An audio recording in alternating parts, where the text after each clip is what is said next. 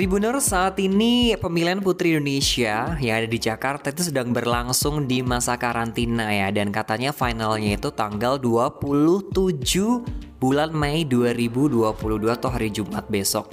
Nah, ngomongin soal Putri Indonesia nih, Hakim di sini bakal bagi-bagi informasi ke kamu tentang sejarah pemilihan putri Indonesia dari zaman yang pertama sampai yang sekarang. Jadi podcast ini agak panjang ya di podcast Tribun Style kali ini karena kita bakal ngebahas sejarah gitu ya. Kalau kita ngomongin soal sejarah itu udah sangat uh panjang banget gitu ya. Dan terutama buat kamu nih pageant lovers Indonesia yang akunya pageant lovers, kamu harus tahu nih ya, salah satu ajang pemilihan pageant nih yaitu Putri Indonesia itu sejarahnya kayak gimana. Karena emang setiap tahunnya ajang ini tuh digelar ya, terutama tahun sebelum pandemi dan setelah pandemi ini. Jadi ini pemilihan pertama setelah pandemi dan selama 2 tahun itu kayak nggak ada pemilihan sama sekali. Nah, para peserta itu diberi pembekalan materi tentang public speaking, kecantikan, dan masih banyak lagi untuk perempuan terpilih dari title Putri Indonesia itu bakal mewakili negara ini di ajang Miss Universe. Nah, pada kesempatan ini Hakim sudah melansir dari tribunnews.com Dilansir dari Wikipedia ya, itu tahun 1990 Ibu Muriati Sudibyo itu meluncurkan ajang Putri Indonesia yang dikembangkannya setelah menyaksikan acara Miss Universe di Bangkok pada tahun 1990. Muriati yang sering berkunjung ke luar negeri itu mengadakan seminar, pameran, ataupun memulai ingin membuat ajang Putri Indonesia itu sendiri. Nah, dari sinilah timbul keinginan untuk membuat wanita Indonesia percaya diri dengan tampil di dunia internasional. Nah, hal ini sebelumnya telah dipelopori terlebih dahulu oleh Bapak Andi Nurhayati yang semenjak tahun 70-an itu memang memegang franchise pengiriman mis-misan ke kelas internasional gitu nih teman-teman. Begitu pula juga dengan nama majalah Femina yang sudah bertahun-tahun sebelumnya menyelenggarakan pemilihan putri remaja Indonesia yang mana menghasilkan gadis-gadis paling energik, cerdas dan juga modern se-Indonesia. Usut punya usut nih teman-teman, Ibu Muriati sekarang ya Muriati Sudibyo itu berupaya menggabungkan kesemuanya itu dalam ajang pemilihan Putri Indonesia. Kemudian beliau mengeluarkan ide tersebut ke Badan Pengembangan Ekspor Nasional yang alhamdulillahnya disetujui gitu ya. Ibu Muriati akhirnya membentuk Yayasan Putri Indonesia dan menjadi ketua umumnya. Pada tahun 1992 oleh Yayasan Putri Indonesia yang diketuai oleh Ibu Muriati Sudibyo dan disponsori oleh perusahaan kosmetik Mustika Ratu nih. Akhirnya, pemilihan Putri Indonesia menjadi wakil Indonesia atau duta bangsa pada kegiatan-kegiatan yang bertaraf internasional dan juga ikut serta dalam memajukan komoditas ekspor Indonesia terutama pariwisata dan budaya Indonesia.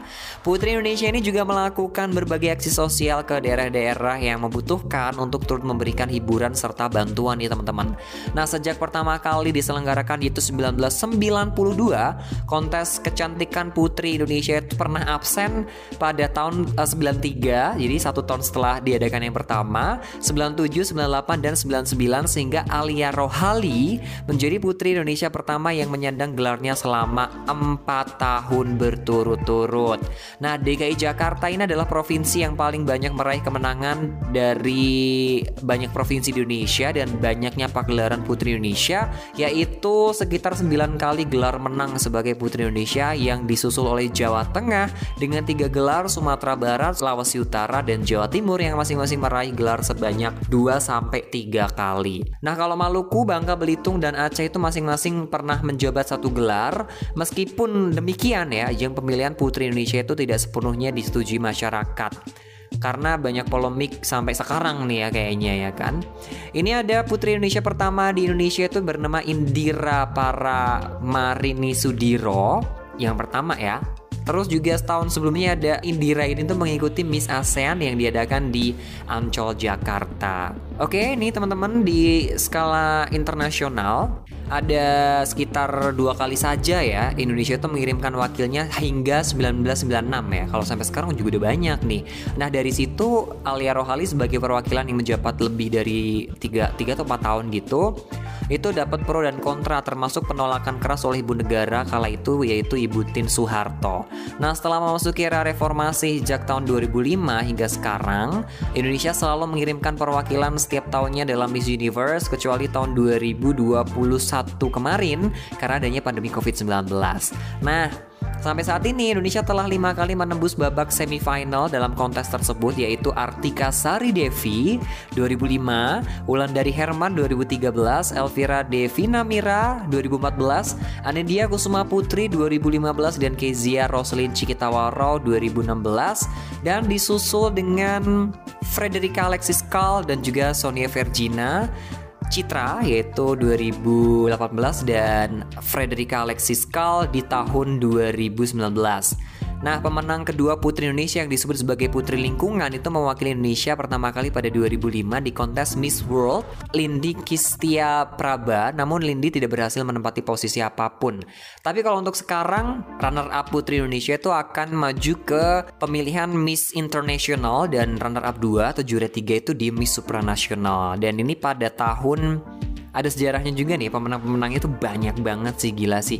Aku ngikutin dunia pageant nih ya teman-teman. Itu bukan karena gue tuh nggak ngerti yang namanya dunia pageant. Cuman aku tuh suka banget speechingnya dari dunia pageant itu sangat menginspirasi banyak orang dan bisa kita ambil pelajaran juga nih dari cara mereka itu berbicara di depan publik.